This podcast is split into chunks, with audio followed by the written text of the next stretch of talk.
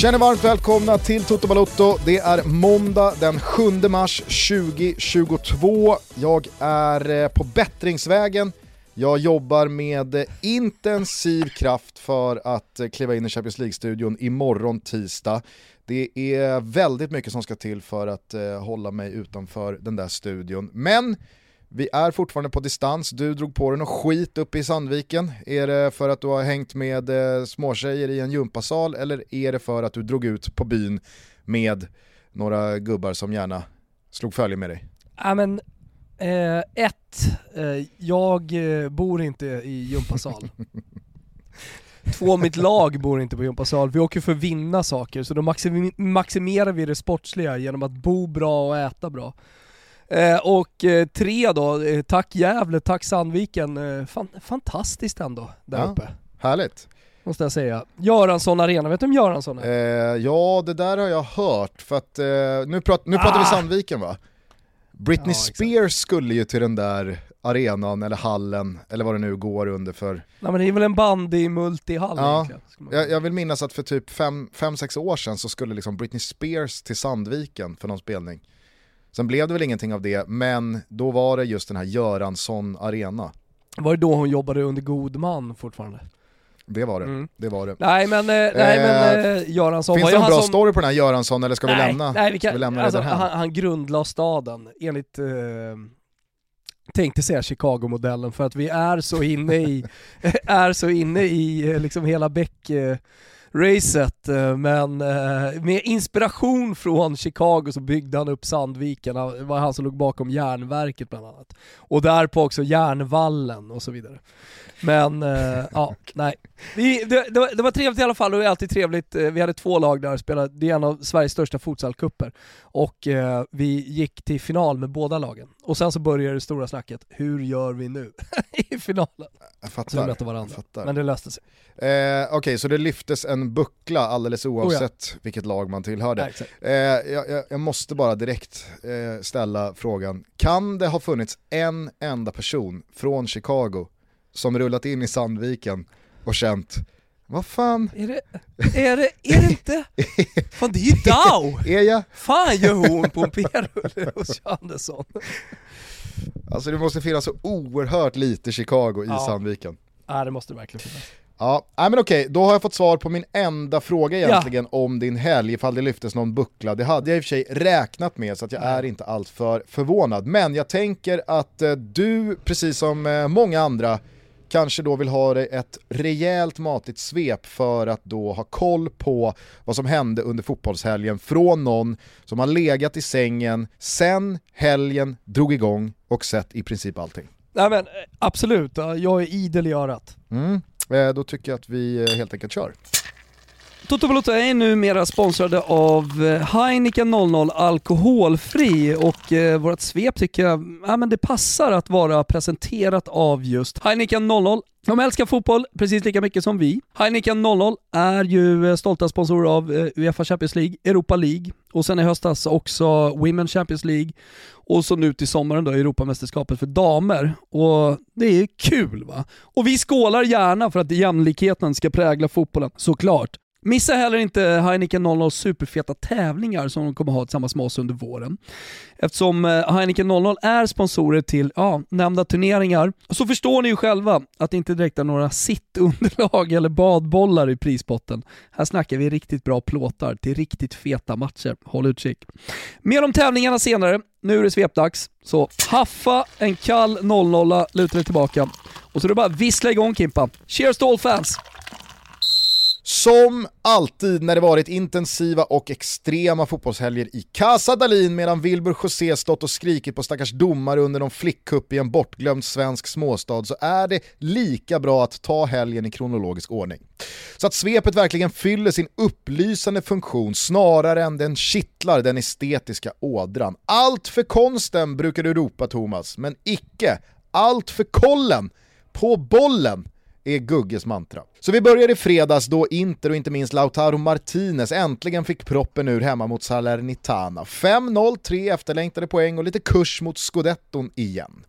Kanske kommer något dödsryck från de Granata, men det här är ett Serie B-lag efter sommaren. Basta! Parallellt med detta tappade Sevilla återigen två poäng i La Liga-toppen, den här gången borta mot Alaves. Huddersfield tog klivet upp på uppflyttningsplats i The Championship och Lyon tog sista chansen att nå Europaspel via Ligue 1. Vi vänder blad och konstaterar att Leeds mot Leicester såg bättre organiserade ut under nye tränaren Jesse Marsh, men då bolluslingen inte ville in bakom en alltid lika stabil Schmeichel, Kasper inte Peter, lugn Olof, så blev det ånyo en förlust för de vita. Tur då att såväl Norwich, Burnley och Watford också förlorade där under strecket. Newcastle lyckades igen på något märkligt sätt vinna en fotbollsmatch. Aston Villa tryckte till Soton med 4-0 och spelade ut hela registret. Patrick Vieras Crystal Palace fortsätter stapla poäng på hög och Liverpool slog West Ham med knappa 1-0 och tog en sån där seger även fast man inte är så bra vinst.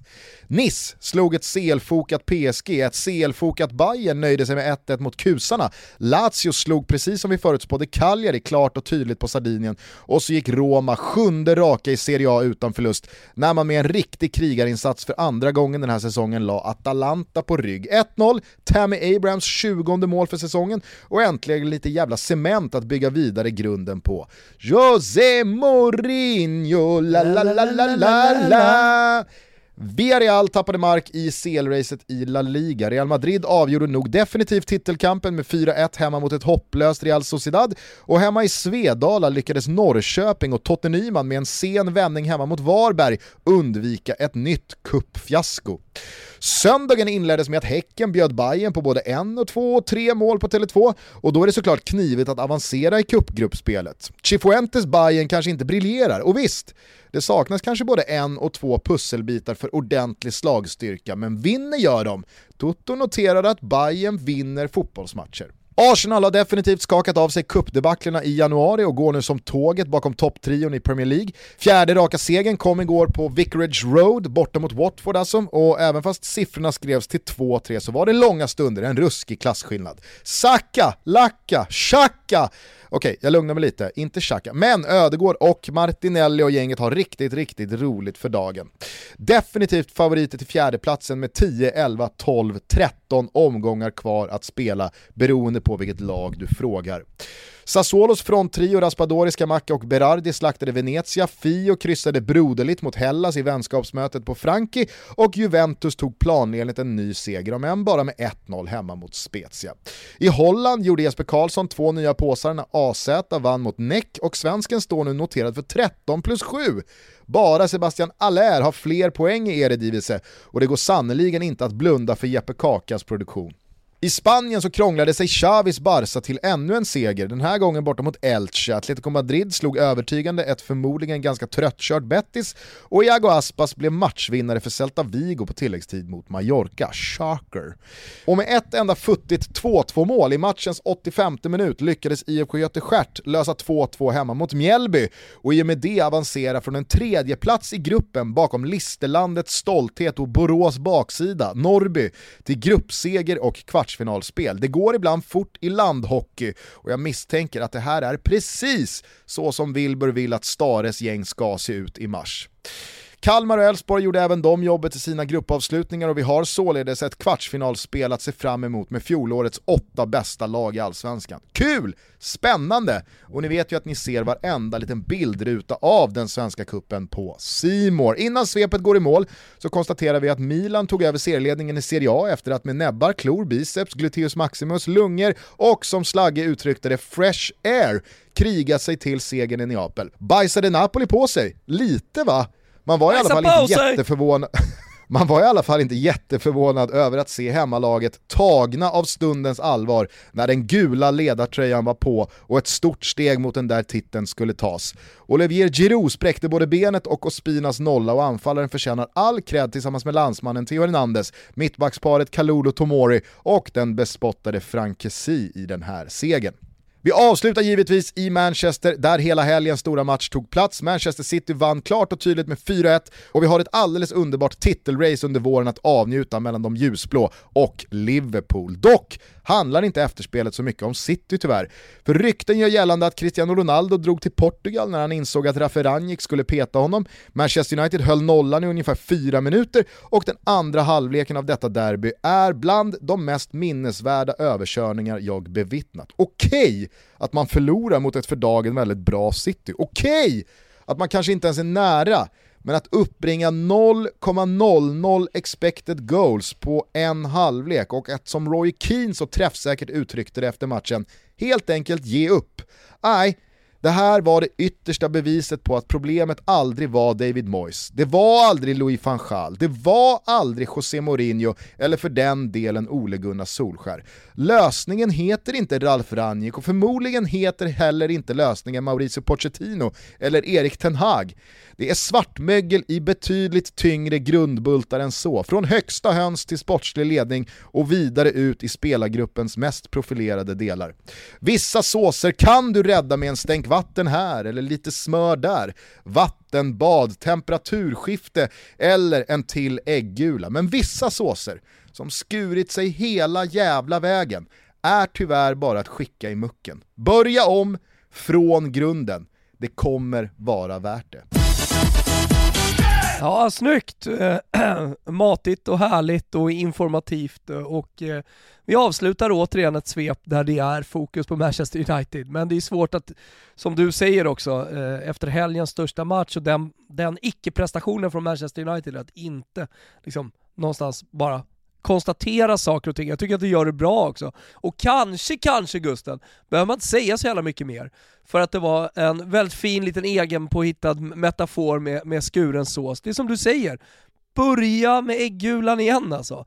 Börja droppa mm. i den där jävla oljan, ös inte i den för då kommer det gå åt helvete. Och det är väl det kanske, så om man ska liksom fortsätta på det spåret då, det är väl kanske det som Manchester United har gjort. De, de, de, de kanske har försökt att börja om lite grann från början i och med att de tar in en ny coach.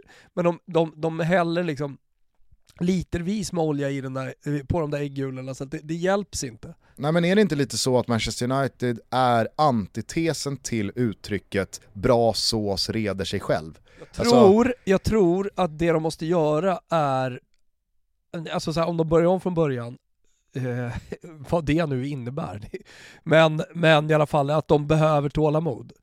Eh, så, så det, det Manchester, Manchester, United inte haft efter Ferguson, det har varit tålamod, ett långsiktigt, låt säga då projekt, men en långsiktig plan. Hur ska vi nå den absoluta toppen igen? Hur lång tid kommer det här att ta? De tror hela tiden att ja, men den här säsongen gör vi den värvningen, byter vi den tränaren, då, då är vi tillbaka. Eh, men det, det, det, jag tror att man måste se liksom, om tre år, hur når vi dit? Sen, lite som Jogi Löw gjorde med det tyska landslaget, att ja, det är 2018 vi ska vara bra, eller vad, vad, det nu var han sa. Och sen så vann man VM i Brasilien redan 2012. Visst är jag rätt kronologiskt 14. lite här? Eh, självklart 2014. 2012 eh, vann ju Spanien över Italien i EM-finalen och Tyskland åkte ut tack vare ett eh, otroligt mål av Mario Balotelli. Eh, men, Så är det, men, Hulken-målet. Nej men liksom att, att man sätter upp ett mål lite längre fram och då ber supportrarna om tålamod och sen så jobbar man, når man dit tidigare så är det jättebra. Ja, men jag tycker faktiskt, alltså, som du säger, vi landar återigen i Manchester United, det är eh, ganska repigt på den där skivan, vi har varit där förut, eh, jag orkar liksom inte ägna ytterligare 29 minuter åt det, men det är ju så som jag säger i svepet här att efter den här matchen så, så, landar man någonstans i att det här återigen var någon slags new low eller i alla fall ytterligare ett ganska tydligt kapitel i den sorgliga tragedin om var Manchester United hamnas någonstans. Så jag tycker att vi bara kan lyssna på hur det lät när Roy Keane, väldigt slagkraftigt måste jag säga, alltså de har ju fått ganska mycket skit, eh, och, och, och, kanske i synnerhet då Roy Keane, för att man är liksom för hårda mot Manchester United, man är för förlöjligande mot vissa spelare, eh, man, man, man skälper mer än man hjälper som gamla klubblegendarer när man sitter på bästa sändningstid i tv-studios och liksom rackar ner på sin gamla klubb och att man kanske borde visa dem mer respekt och så vidare. Det, det tycker jag är så liksom fel tankesätt någonstans. Att det är så här, man rackar ner. Det, det han sitter där och gör, det är att ge sin analys av det hela. Det, det, det, jag tycker att det är ofta man lämnar kritik, eller man skickar kritik åt eh, idrottsmän och, och folk inne liksom och, och, ska, och ska påpeka att man rackar ner, eller till och med i vissa fall mobbar för att man kritiserar eh, idrottspersonligheter för deras prestationer. Ja. Alltså jag kan ställa upp på att alltså, så som det låter och har låtit från Rory Keane och Gary Neville och Jamie Carragher, inte för att Jamie Carragher är någon gammal Manchester United-legendar. Men han sitter ju inte men... där för Manchester Uniteds bästa. Hör nej, Roy Keane, nej, det blir inte bättre av att du sitter där och kritiserar och mobbar Manchester United. Ja fast det är inte därför nej. han är där, han är där för att ge sin syn på saker. Om saker och ting inte funkar och han tycker uh, att saker är skit, ja men det är klart som fan att uh, ja men då är det väl eh, hans uppgift att eh, eh, förmedla de känslorna. Och det var det jag skulle landa i, att jag, jag, kan ställa upp på och också köpa att saker och ting förmodligen inte blir bättre eller lättare för spelarna i Manchester United av att Roy Keane går ut med stora motorsågen vecka ut och vecka in i en tv-studio. Men det är heller inte liksom hans roll. Det är inte därför han har betalt från den tv-studio han sitter i, utan han sitter ju där för att säga vad han tycker. Alltså, sen så kan det vara kontraproduktivt, men jag är inte heller helt säker på att Roy Keane sitter där och har det som första ledstjärna att Manchester United ska bli bättre. Han har ju lämnat den klubben, det är liksom här, han, han, till, han tillhör historien, inte framtiden. Oavsett vad, jag tycker vi lyssnar på vad han, vad han sa igår, för att jag tycker att han var väldigt klok i sina eh, ord här. If you look at the bench, they didn't have too many options really in terms of changing too much tactically. Wan-Bissaka was at really poor time. You think could he change him? But I don't think the manager could have done too much. And then when he did bring one or two players on, but I think the, I think the fight was over. I think that even, again we'll criticise Rashford. Rashford comes on, and sometimes you're thinking a, a sub will do something special. Some of the lads come on and they're that upset that they're on the bench. They don't they don't try hard enough, and that's why you need some brilliant senior players or characters in your. So when United were under the cosh, which they're going to be, man, you just come in, we tighten up, lads, yeah. for 15. You stay in the game. when it was 3 1, we should have all just gone home. You just tighten up. It's 2 1, it's, even it's 3 1 going, we're Man United, we still think we could get a goal, you never know. We'll have a mad 15, 20 minutes. Rashford comes on. No one's getting a grip of him. Nobody's. I, I don't know who's running that dressing room. We look at Maguire. Maguire's had a torrid time. And again today, crazy booking. Then you're thinking he might get sent off. Even the deflection, you're thinking, just even yourself, come out an extra two, two or three yards. You drag the players up with you. Is he having battles with Ronaldo? Captaincy, all these issues. Egos coming to it. You leave your ego at the front door. You leave that there. You, we all have a bit of ego to, to, to wake up, get out, get out of your house in the morning. But these guys are just. It's all about how am I looking? Am I looking the part? Oh, you know, are my boots nice? Am I, is my, how's my hair looking? Play the game. Yet Man United, you know, we're looking at the United fans behind the goal. You're looking, you're thinking, and they know they're not daft. They're looking at this team we're supporting and we're fighting every week for. I've given up. They gave up. No excuses. But we'll hear a lot of rubbish over the next few days from players. We've heard it. There'll be statements, or guaranteed the next few days. Sorry about that. We'll try better next week. I can tell you which lads will be making the statements through their teams and Twitter and all that rubbish. No, no, no. It's, it's what you do on the pitch really interests me.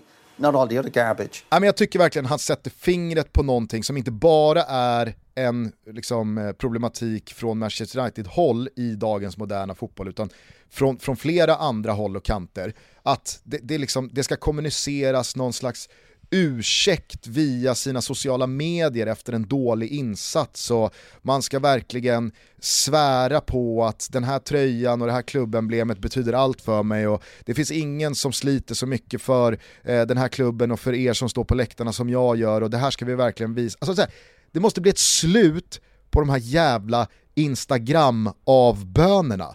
Som Roy Keane säger, det är vad du gör ute på plan som spelar roll och det är det enda som spelar roll. Mm. Alltså det, det, är, det är där du visar vad du går för, det är där du visar vad du egentligen... Selling a little or a lot? Shopify helps you do your thing however you cha-ching. Shopify is the global commerce platform that helps you sell at every stage of your business. From the launch your online shop stage to the first real life store stage, all the way to the did we just hit a million orders stage.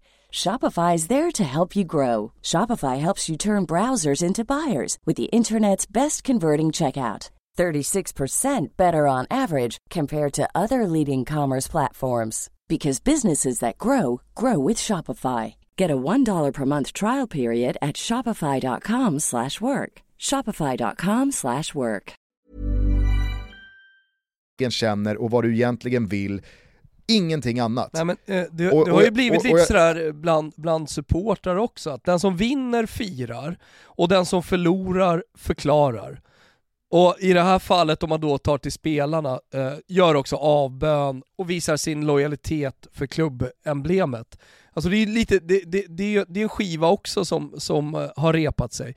Alltså när Napoli förlorar igår, ja men då är Napoli-supportrarna ute och visar hur mycket straff det var för oss i män, samtidigt som då Milan-supportrarna firar. Och ska alla, alla Napoli-supportrar berätta hur fel eh, domaren har haft. Eh, ofta är det på domaren eller andra, eller förklara då hur, hur, hur den här förlusten gick till och vad Napoli borde göra bättre. Och så firas det. Och från spelarhåll då, då är det, då är det avbön och eh, lojalitet eh, som ska visas. Ja, men jag, jag, jag tycker att det är så jävla huvudet på spiken det här, för att det är så fruktansvärt tydligt under den här matchen igår, och i synnerhet den andra halvleken, att det här är ett lag och en spelargrupp som har gett upp. Och då är det liksom så här, okej, vad, vad spelar det för roll vad det är för tränare som står på sidlinjen, eller eh, vilken startelva det är, eller om det är med Cristiano Ronaldo eller Edinson Cavani, eller vem det nu är som liksom saknas eller inte i laget på planen, om det ser ut som det gör.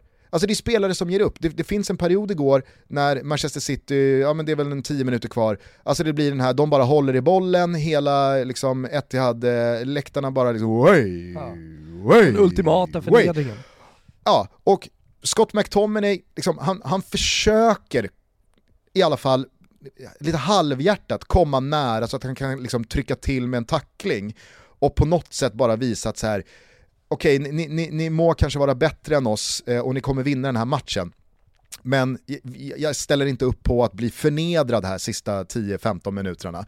Men alltså så här, han kan göra det där liksom grövre också. I övrigt så är det ju inte, det är ingen som ens har det i sig att visa att, vet du, nu kommer vi förlora, jag vill i alla fall visa att liksom så här, det här betyder någonting större för mig, det här, liksom, det här, det här petar i min tävlingsdjävuls själ att det här, det, jag, jag tolererar inte det här. Det här går inte, inte för mig själv personligen eller för Manchester United som klubb. Men det är ingen som är där. Alltså de, de, är knappt över mittlinjen och jag, jag är väl medveten om att de möter ett av världens, kanske hela världens bästa lag för tillfället. Men att, att inte liksom uppbringa mer energi, att inte uppbringa mer stolthet över att man inte tar en sån där förnedring.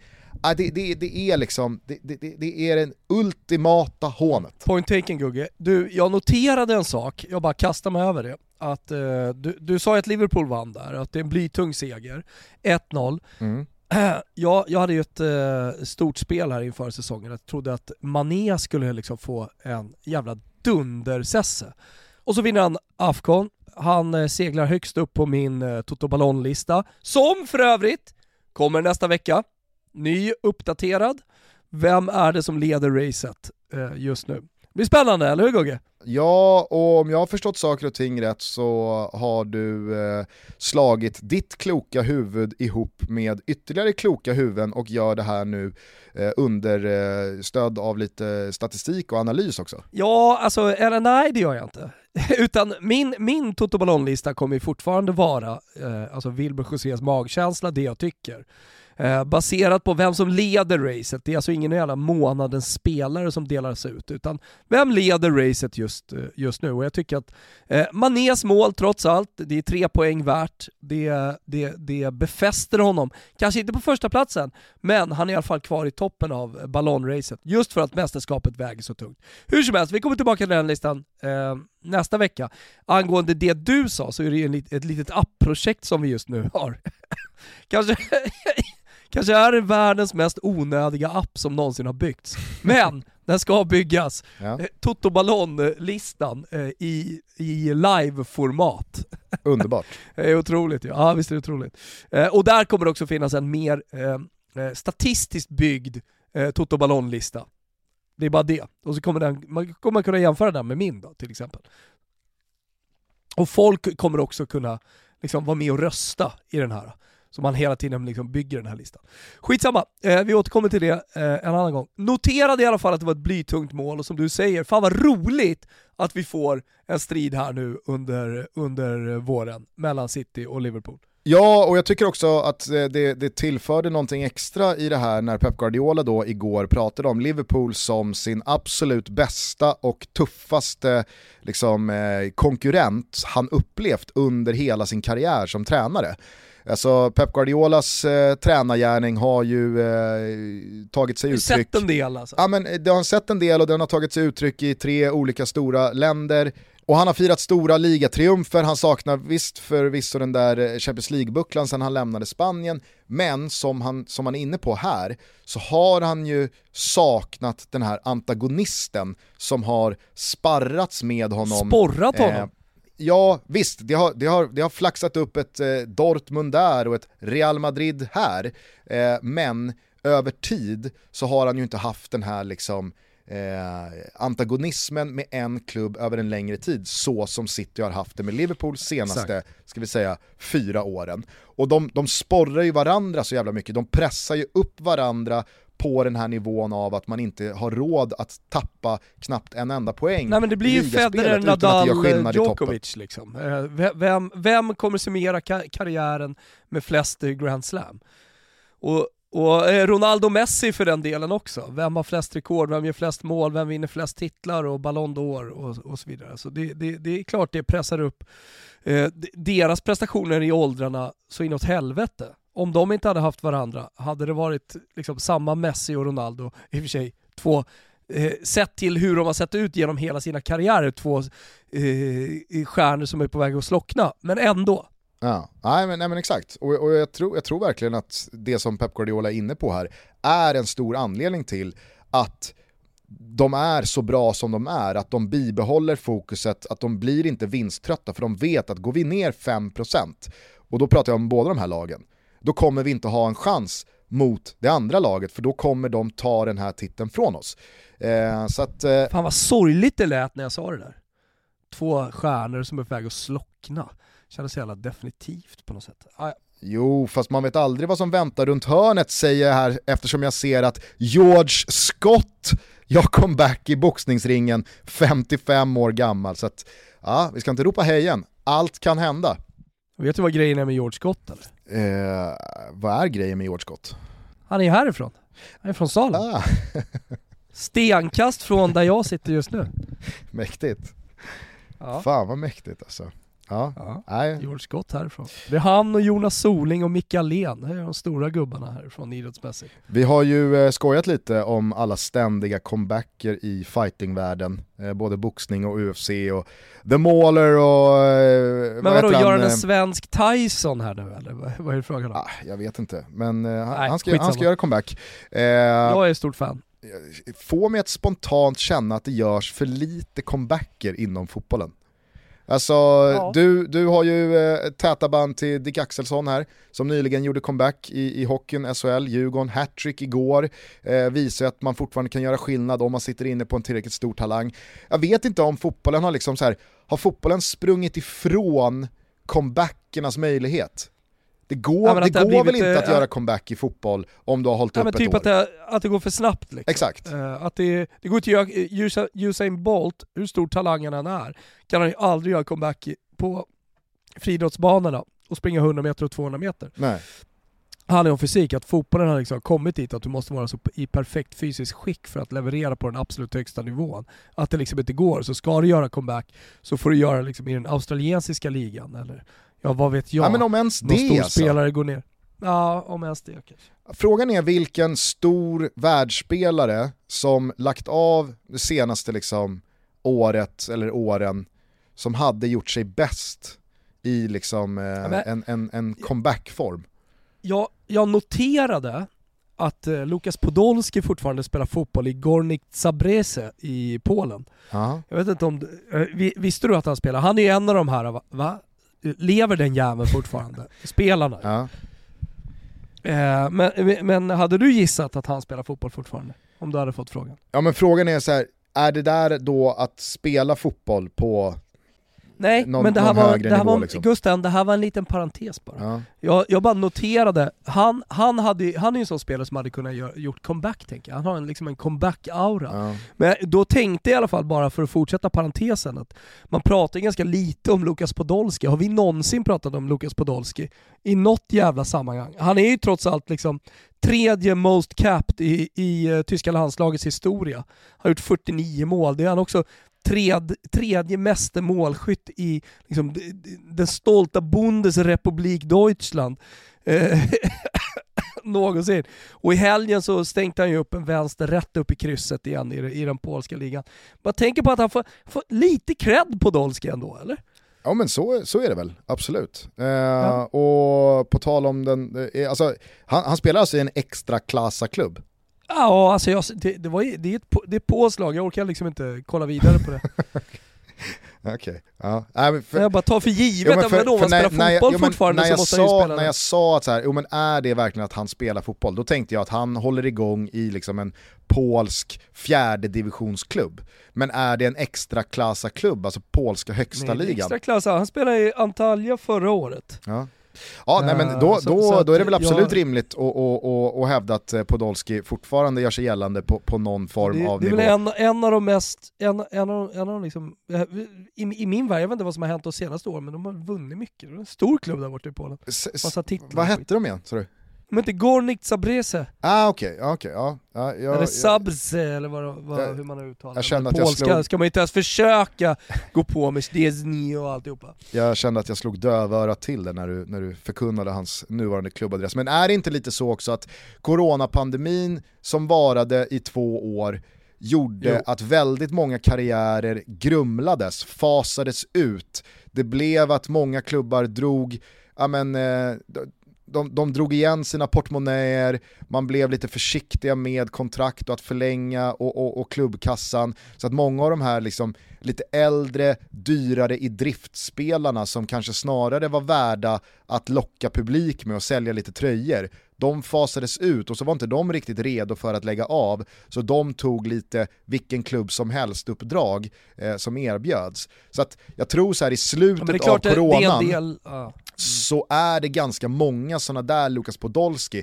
som man inte riktigt fått grepp om, alltså fortsätter spela, men man vet inte riktigt var, för det har aldrig kommunicerats att de la av och det var liksom det var kontrakt som löptes ut och så orkade man liksom inte riktigt ta in Ja, men det är klart det är eh, nyheten om vart de tog vägen.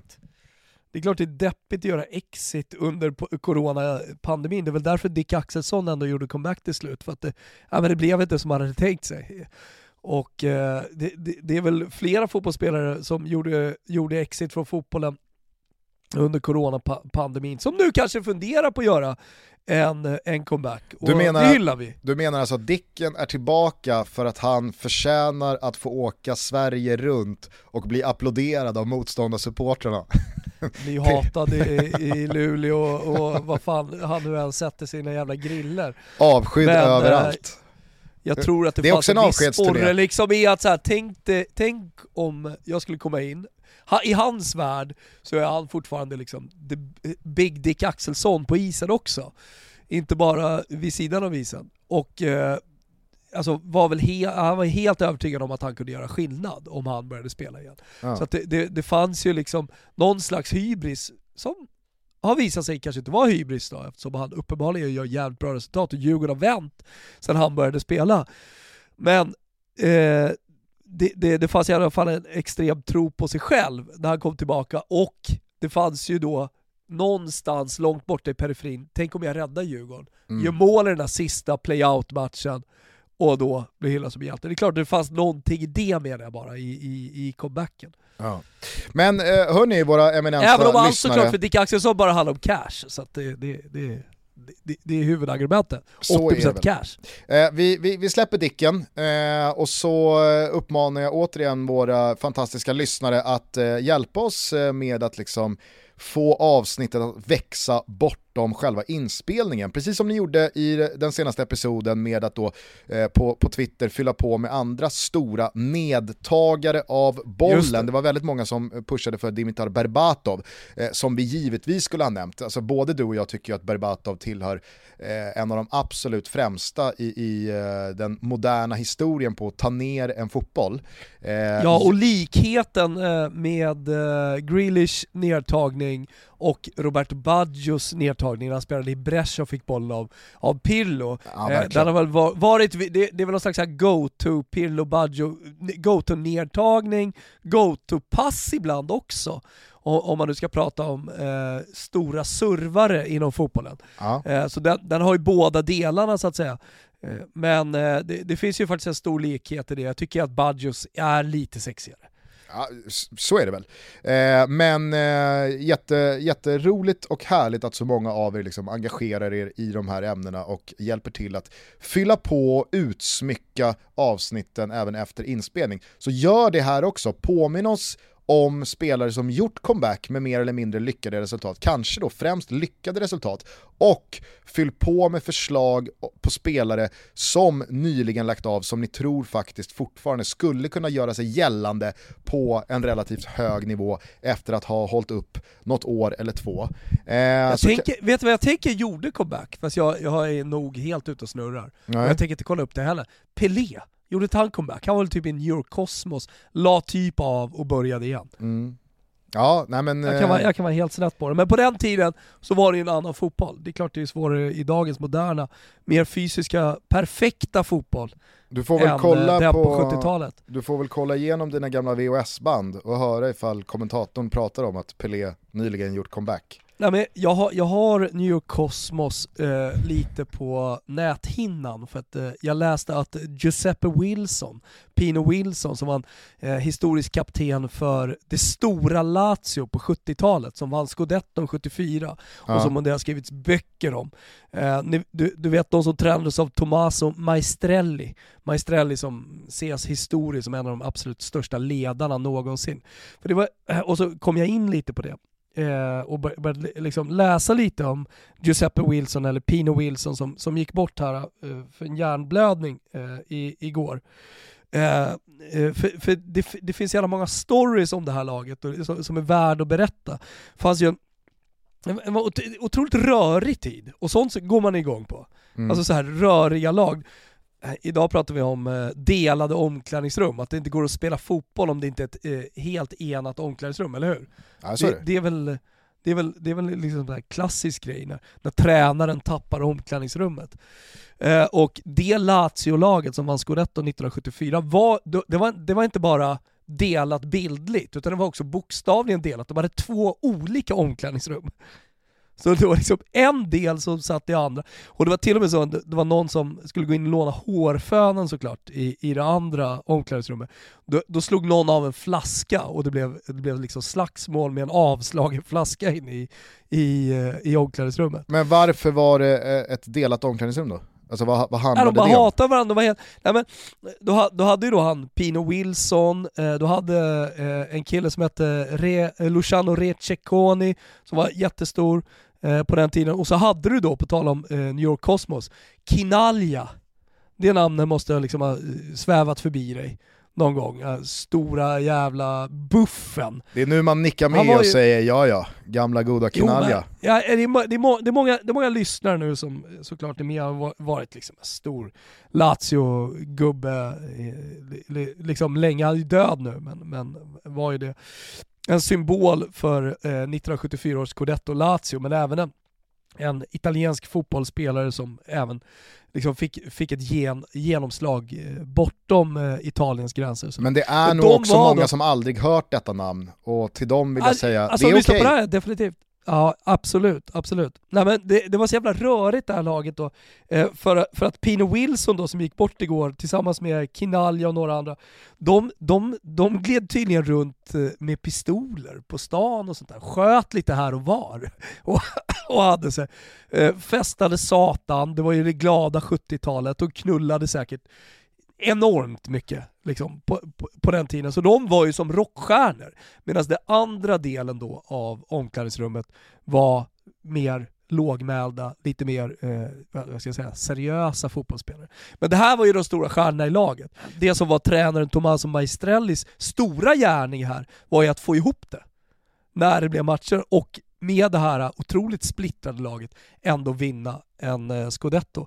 Eh, för övrigt då, han Luciano Receconi som jag nämnde som var en av de absolut viktigaste eh, spelarna, var motorn i det här scudetto-vinnande landslaget. Han dog i blott 29 år gammal. Han var ju eh, lite av en italiensk Glenn Hussein utanför planen. Mm. Gjorde mycket practical jokes och så vidare. Det, det enda som var med honom var att han, han, han, eh, han gick lite längre. Så vid ett tillfälle då när han var 29 år så gick han in med två lagkamrater i en, en polares polares eh, juveleraraffär, säger man så? Eh, eh, ju, juvelbutik. Hur som helst, och skulle skoja lite att detta var minsann ett rån. Problemet var att han hade blivit rånad två veckor innan och hade nu skaffat sig en hagelbössa. Så han sköt ju av den här hagelbössan rätt i magen på Luciano Receconi som dog 29 år gammal där och då. Det här eh, kan man väl eh, faktiskt lyssna på lite mer utförligt kring eh, i Never Forget-podden. Ja just det, jag tror fan vi gjorde det finns ett avsnitt om. Ja det finns ett avsnitt om det. Ja, ja. fan vad kul. Ja men då kan man gå in på Spotify och skriver man Never Forget så finns det ett avsnitt på det. Eh, men det var röriga tider eh, hur som helst. Vincenzo Paparelli, Lazio-supporter, dog av en raket som skickades eh, från eh, Roma-publiken. så det var mycket död och mycket, mycket strul eh, under den tiden. Eh, med Pino Wilson, men rest in peace i alla fall. Hörrni, vi är sponsrade av Leos Lekland, min favoritplats tillsammans med Florens på det här jordklotet. Vad är det som är så kul på Leos Lekland då? Jo, man klättrar, man springer, man kör parkour, man studsar, man åker äh, jävligt roliga ska sägas, rutschkanor och man är där ungefär i, i tre timmar och det är tre för mig i alla fall ganska intensiva eh, timmar för att eh, jag kör ju samma sak som, som Florens. Ganska svettig när jag går därifrån. Men det är, det är förbannat kul. Och jag vet inte hur det är med era barn eller barnbarn eh, eller systers barn eller eh, brorsars barn. Men eh, Florens sitter en hel del med paddan. Det blir ju så. Spelar alla möjliga olika spel på den. Och då är det ganska skönt att veta att de under de här tre timmarna, ja då springer hon ungefär 11 000 steg som motsvarar 7 kilometer. Och då får ju jag, tänker jag, också 7 kilometer i kroppen. Så det är bra, man aktiverar, men framförallt i grunden, det är sjukt jävla kul. Sport, lek, äventyr och en massa roliga attraktioner på ett gigantiskt lekland. Bollhavet, bara en sån sak. Helt fantastiskt. Passa på att få lite skärmfri tid under de här mörka vintermånaderna. Ta era barn till Leos lekland och jag vet att det finns ingenting som de uppskattar mer än att dra dit under tre timmar. Så eh, omfamna nöjet, omfamna det roliga ta er till Leos Lekland, precis som jag och Florens. Vi säger stort tack för att ni är med och möjliggör Toto Balotto. Satana, vi är sponsrade av mäktiga K-Rauta. Och jag vill så här i början på mars månad fråga, går du i renoveringstankar? Mm. Då kanske du ska passa på att gå in på kodauta.se eller i en av deras eh, butiker, för de har fina erbjudanden på allt du behöver för att skapa ditt drömbadrum just nu. För K-Rauta är det verkligen enkelt. Du får experthjälp, man bokar in ett projektplaneringsmöte. Det gjorde ju vi när vi byggde om badrummet på kontoret. Och sen så får man då badrummet från ax till limpa. Det är dessutom just nu en eh, kampanj för alla som är medlemmar. Bli medlem för tusan om du inte är medlem. Handla för 20 000 kronor i samband med ett projektplaneringsmöte så får man ett värdebevis för en lyxig hotellövernattning. Ja, tänk det. Du kommer hem till din partner och så säger du, hörru nu har jag haft ett projektplaneringsmöte här nu och jag har liksom kommit igång borta på K-Rauta, börjat handla lite grejer, vi är 20 lax in i det här Ska vi inte bara åka och ta en liten hotellövernattning? Ja, vad fina ni är Korata. Kitos! Ciao!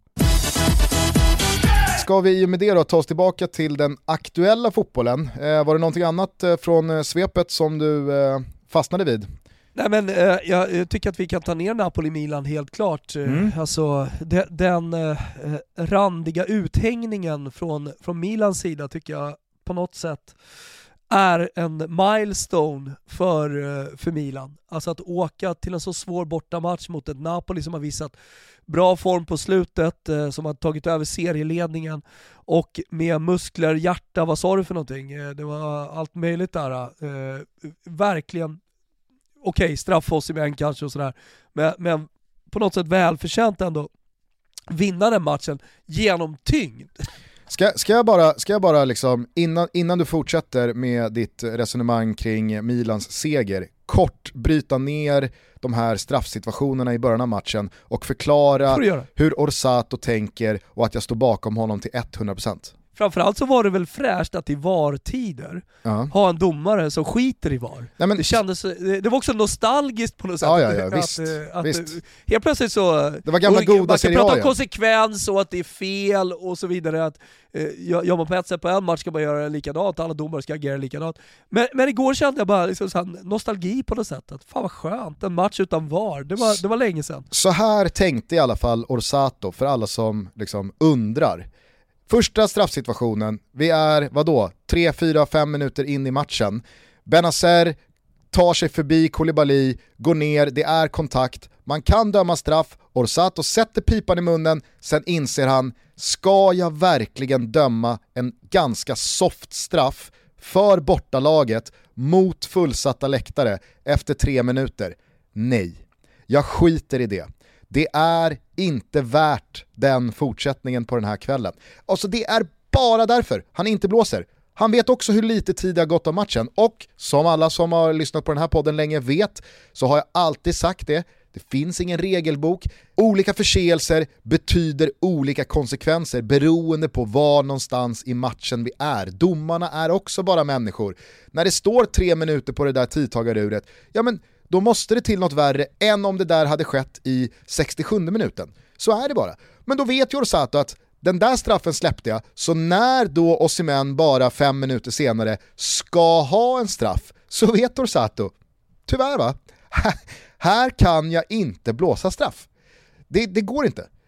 Och, och, och, så kan folk säga hur mycket de vill, ja men två fel gör inte ett rätt. Jo, ibland va. Ja, I Italien och i gamla Italien så var det så. Det var en ganska skön, eh, skön tillbakagång till, eh, till det som har varit. 100% övertygad att varummet säger i Orsatos öra det där är straff. Du får, du får nog komma ut och titta på den där. Orsato säger i sin mikrofon tillbaks, nej. Ja, nej men jag, jag såg Gazetta, fan nu läste jag inte den här artikeln hundraprocentigt, eh, men det fladdrar förbi att de, de, de har läppläst eh, Orsato i alla fall i något, något slags, någon slags polemik med eh, de assisterande. Ja. Alltså, då tänker jag att det är Varum och fjärde domare och, och sådär. Ja. Ja, men så, så att, för, för, mig, för mig var det liksom så här, det, det, var, det var som stilstudie i hur det alltid har fungerat i Italien med domare, med kompensation. Ja, men, alltså, det, det, det är han som bestämmer. Och, och precis, som du säger, precis som du säger så var det en sån jävla liksom, det var sån nostalgisk flashback till den italienska fotbollen man har vuxit upp med och alltid följt. Att ja, det där kan vara hur mycket straff som helst, men nu är det så att Orsato har precis nekat Milan en straff som gick att blåsa för att det var tidigt i matchen. Då är det tyvärr så att han kan inte ge den där straffen. Det är bara, Nej, bara gilla läget. ja, ja. Du Gustav, jag måste, jag måste ägna tre minuter åt att fixa min förkylning om jag ska kunna fortsätta. Jag håller på att krevera, jag måste ta lite näsdroppar snabbt och eh, så är jag tillbaka.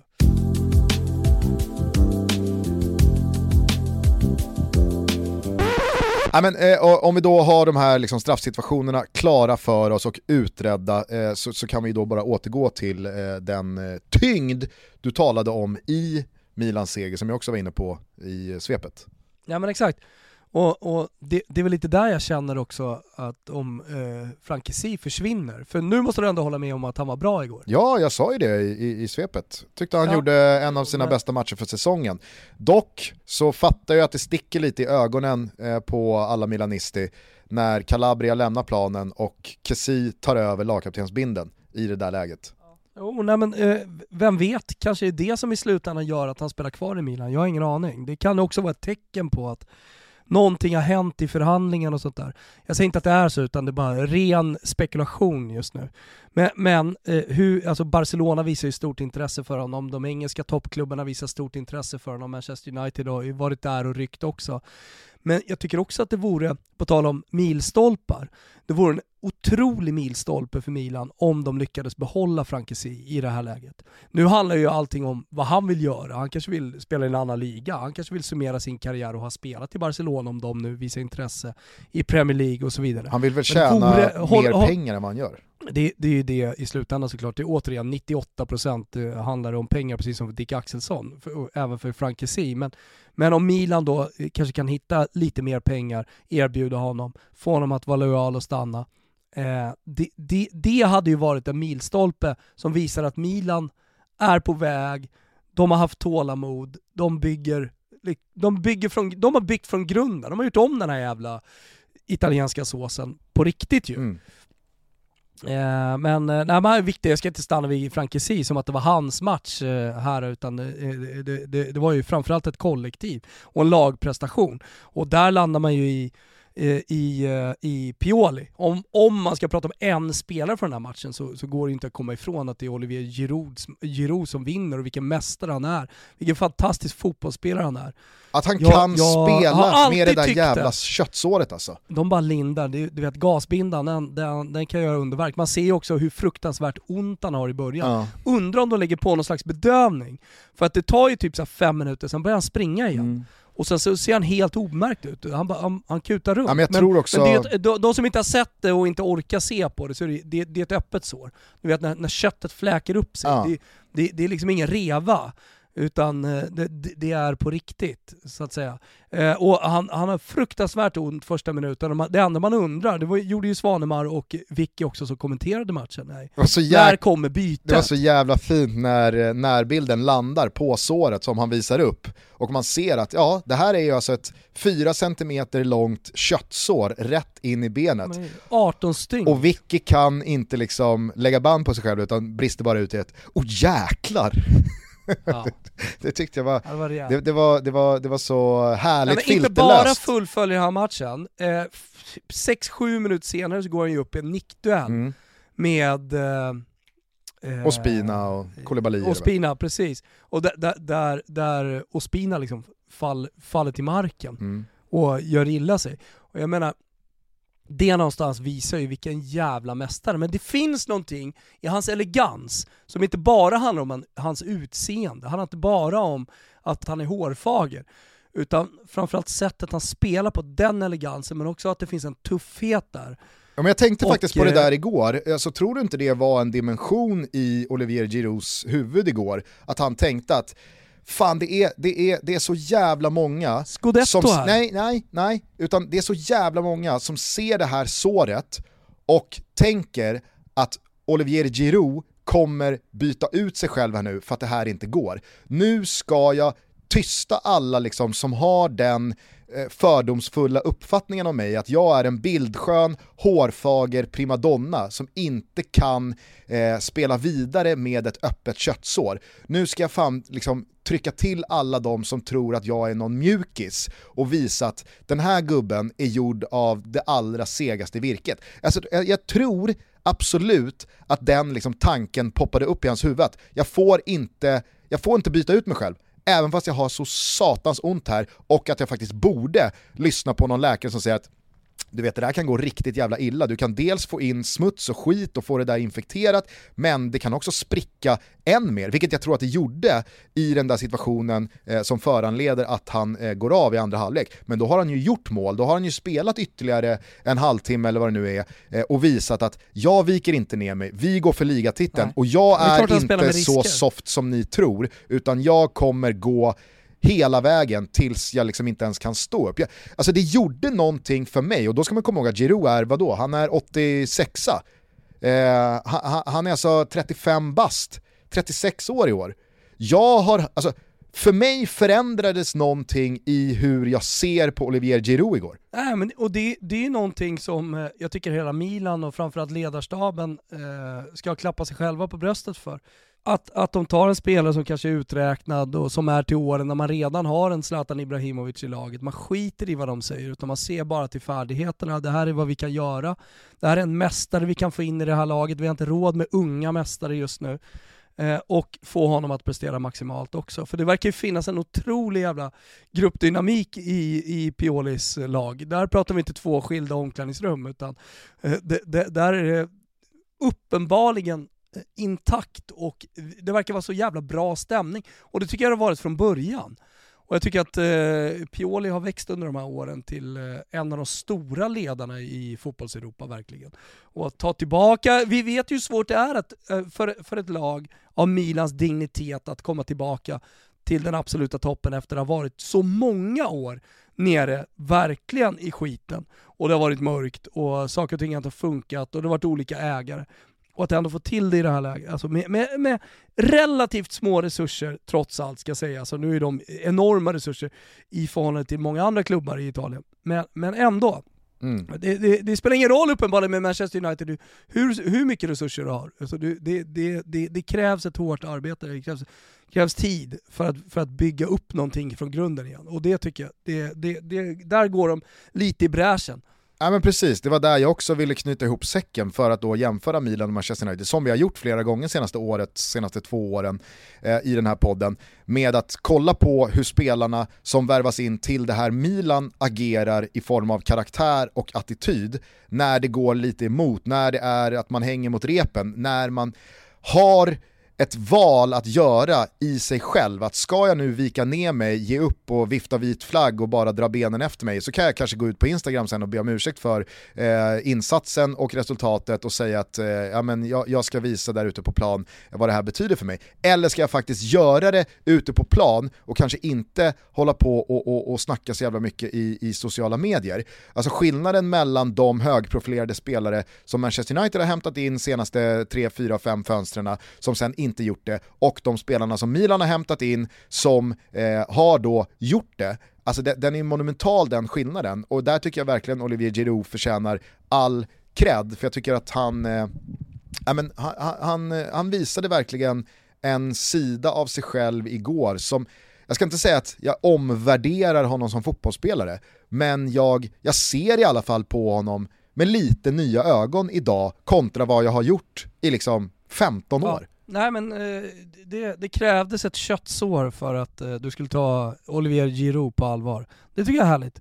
Ja, och jag ska, jag ska bara säga det, för det var ganska många som, som skrev till mig på, på Twitter igår kväll när jag kommenterade den här tacklingen. Att, alltså, bara för att en duell slutar i ett köttsår så betyder ju inte det per automatik att det ska vara rött kort. Precis på samma sätt som att en tackling som inte slutar i ett köttsår kan ju absolut vara ett rött kort. Alltså, foten eller benpipan behöver inte gå av. Och i det här fallet så är det ju liksom, det är ingen satsning, det är ingen tackling som ska liksom belönas med ett rött kort även fast resultatet blir sådär nasty som det blir.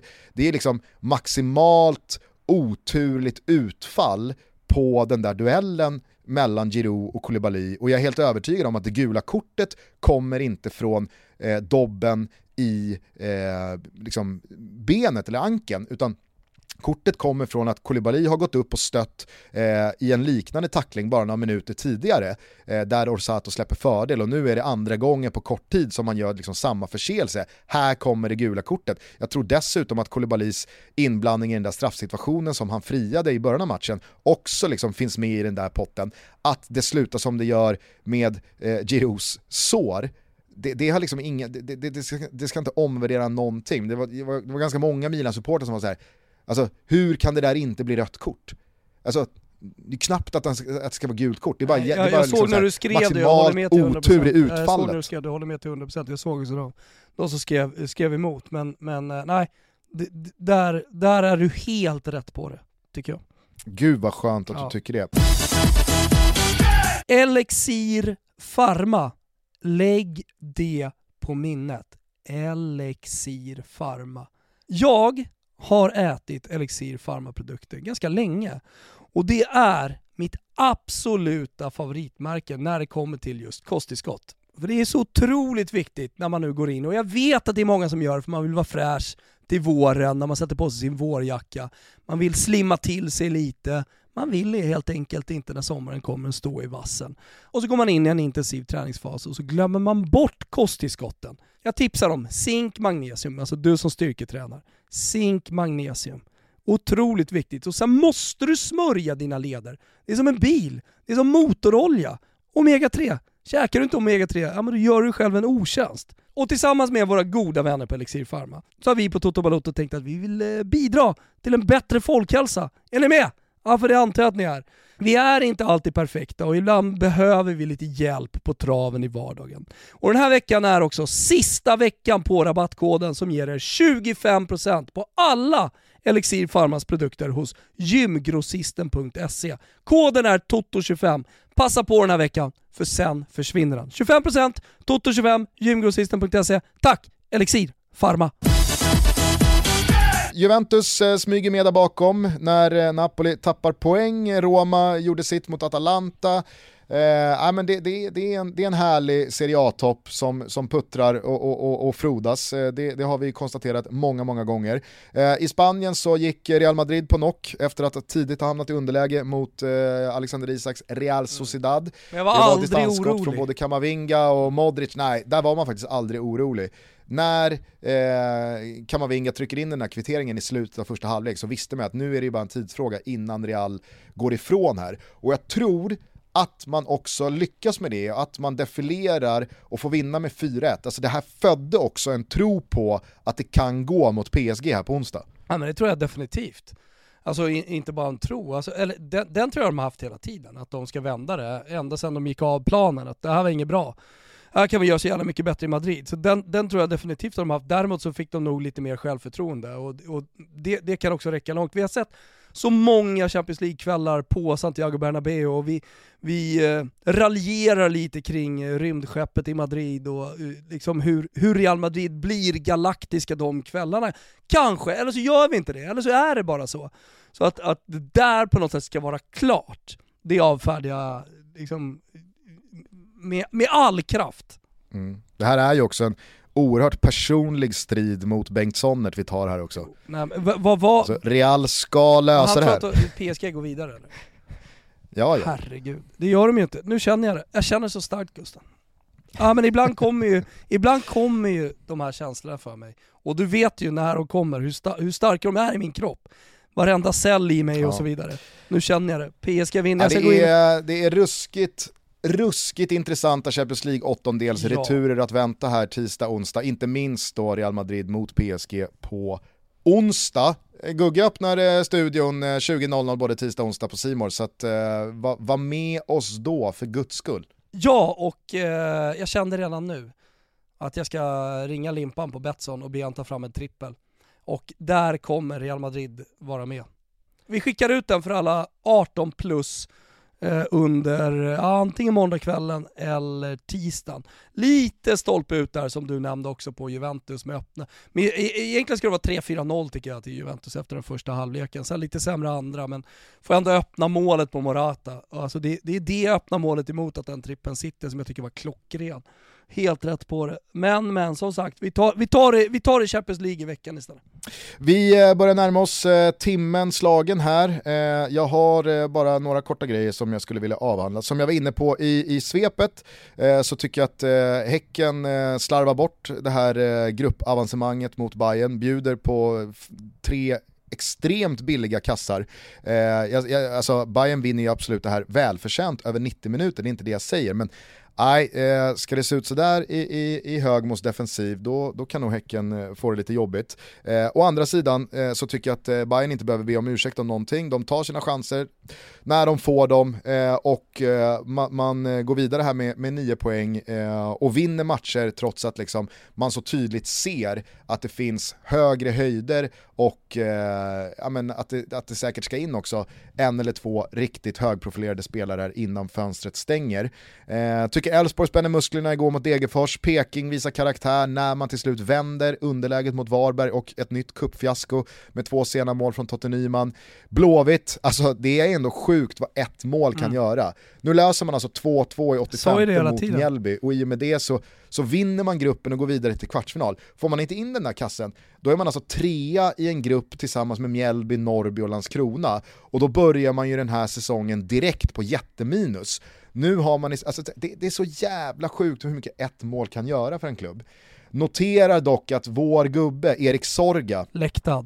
Nej, alltså, jag läste Marcus Vulkan här på Expressen eh, i, i morse Eh, jag kan läsa till här mm. i hans krönika.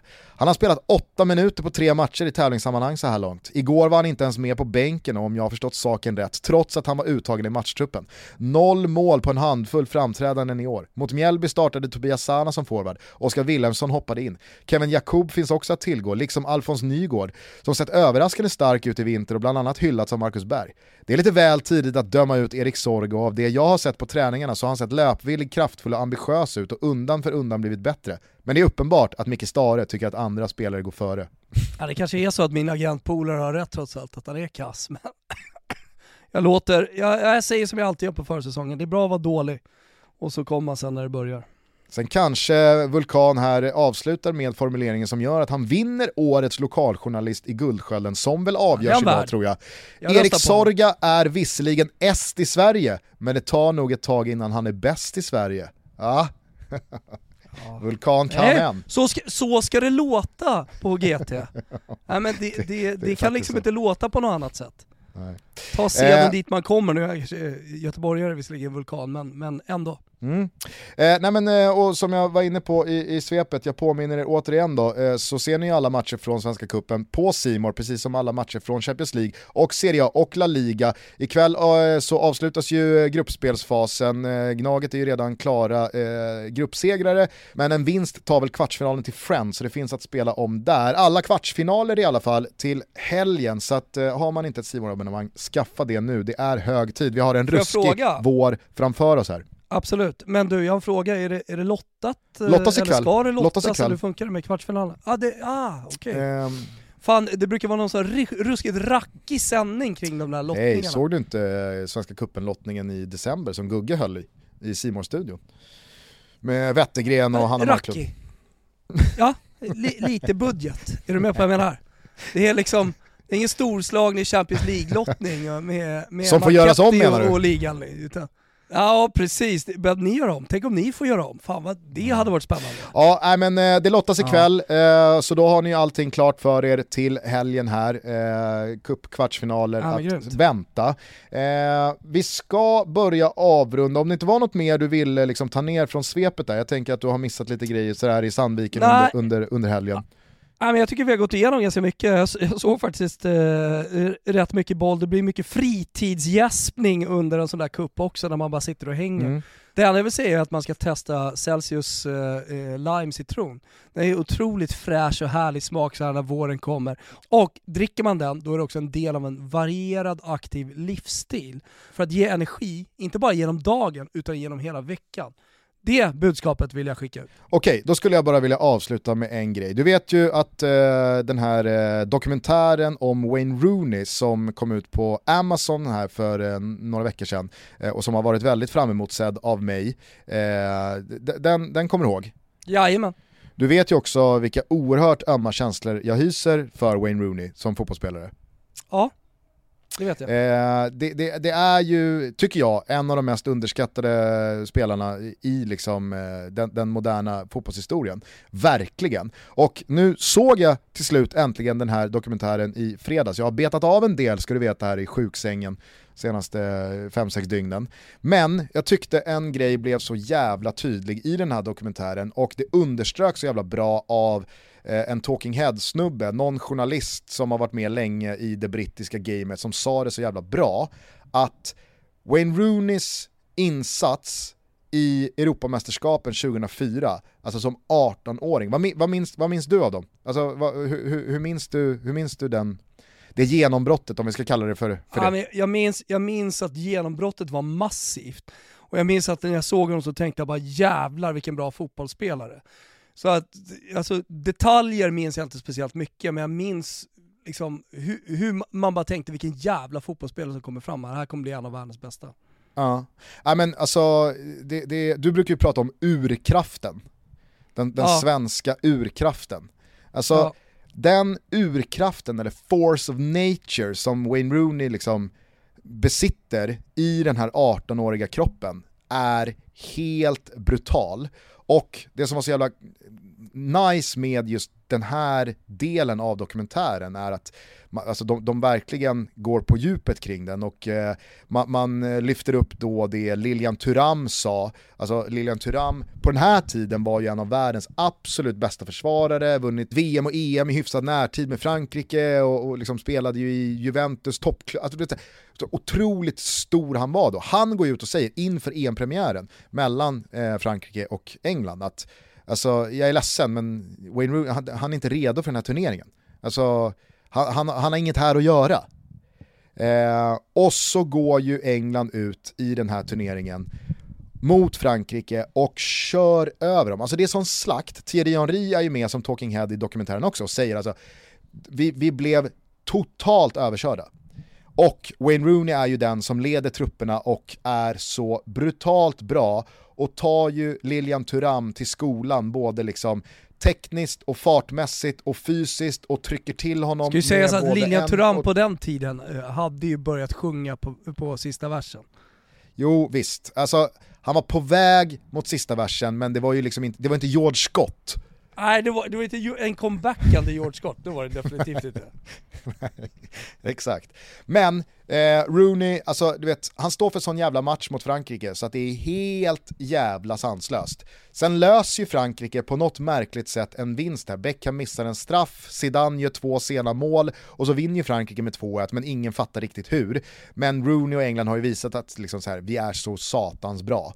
Och sen då, då i eh, de återstående två gruppspelsmatcherna så är det ju Rooney show, han gör mål, han är bäst, eh, han bara kör, han är 18 bast och ingen fattar någonting och det är liksom Wayne Rooney mania. Sen så går han ju sönder i det här liksom, eh, ögonblicket när han sätter ner foten fel, skon flyger av och det är något mellanfotsben som knäcks. Eh, och så får han ju kliva av, England åker ur på straffar. Eh, det, men det, det är liksom så här, det, det är deras Alltså det är, det är samma mästerskap som för oss med, eh, med, med uttåget mot Holland. Det hade liksom kunnat bära hela vägen. Det skulle ha burit hela vägen och Wayne Rooney skulle ha Vet du blivit vad? liksom It's turneringens the bästa history spelare. of England, det är vad det är. Ja, Det är så kanske lite så. ut. Men då pratar i alla fall den här journalisten om att den där mästerskapsinsatsen från Wayne Rooney, den kom alltid att ligga honom i fatet för att den var så fruktansvärt bra. Det är en av de bästa mästerskapsinsatser en engelsk spelare stått för, kanske den bästa. Att allting för resten av hans karriär jämfördes med den. Allting skulle liksom eh, vägas mot de där två och en halv veckorna under EM 2004. Och det var så jävla sant när han sa det, för att jag tror att det där påverkade väldigt många, även utomstående, i sitt sätt att bedöma Wayne Rooney som fotbollsspelare. Att han var så fruktansvärt bra i det där mästerskapet och det är väl rimligt att anta att han, liksom så här, ja, han kanske aldrig blev bättre eller mer tydligt utslagsgivande. Så då upplevde folk det som att äh, men, han presterade aldrig liksom på den nivån igen, även fast han gjorde det flera gånger. Men det är så lätt att Men det- ta just Jag vet inte hur mycket du mästerskapsinsatser. har sett av dokumentären och sådär, men, man, men alltså just skadan inför mästerskap måste väl vara en röd tråd på något sätt om man pratar om hans, Absolut. hans, hans Absolut. mästerskapskarriär så att säga. Det är alltid, Ja, alltid något strul ju. Ja, men, men det jag tyckte var så liksom bra av den här journalisten som, som sa det, att liksom så här, ett riktigt bra mästerskap kan verkligen bli en last för en spelare också. Ja, Och så började jag tänka på liksom andra sådana spelare, ta typ James Rodriguez. Han var ju lite för bra i VM 2014 för resten av sin karriär. Alla har ju i snart åtta år Gått bara konstaterat att ja, man har gått och väntat och man har gått och konstaterat att ja, han är inte lika bra som han var i VM 2014. Så därför är han ju liksom så här, ja, men han, han får inte ut sin fulla potential. Och det där tror jag liksom verkligen eh, vissa spelare har fått lida av. Hade Michael Owen en lite för karriärer. bra eh, landslagsdebut också eller? till World Ja, Cup. alltså, ja, ja, men VM 98. Alltså, Michael Owen var väl aldrig liksom VM 98 bra sen igen. Och ja, ja, ja jättebra, jättebra motbud. Men just Wayne Rooney, alltså, nej fan, se den där dokumentären, jag, jag, Mm. jag rekommenderar den varmt eh, och eh, bär med er hur bra Wayne Rooney var Ah, i kul. EM 2004. Eh, och låt inte det ligga honom i fatet när ni sen liksom summerar hela hans karriär, för att han var otrolig alltså. Det nej, jag älskar Om, älskar om jag får Wayne någon Rooney. minut över så ska jag verkligen försöka se den. I Jag tycker du ska insomning. ta dig en minut över. Ja, tar du mina barn. Och sen har jag en liten hund här också. Han ligger faktiskt bredvid mig här nu och, och sover. Lilla, lilla Luca här. Han är med. Hörni, Bayern München mot Salzburg och Liverpool mot Inter imorgon följt av eh, Manchester City mot Sporting och framförallt då Real Madrid mot PSG Underbart. på onsdag.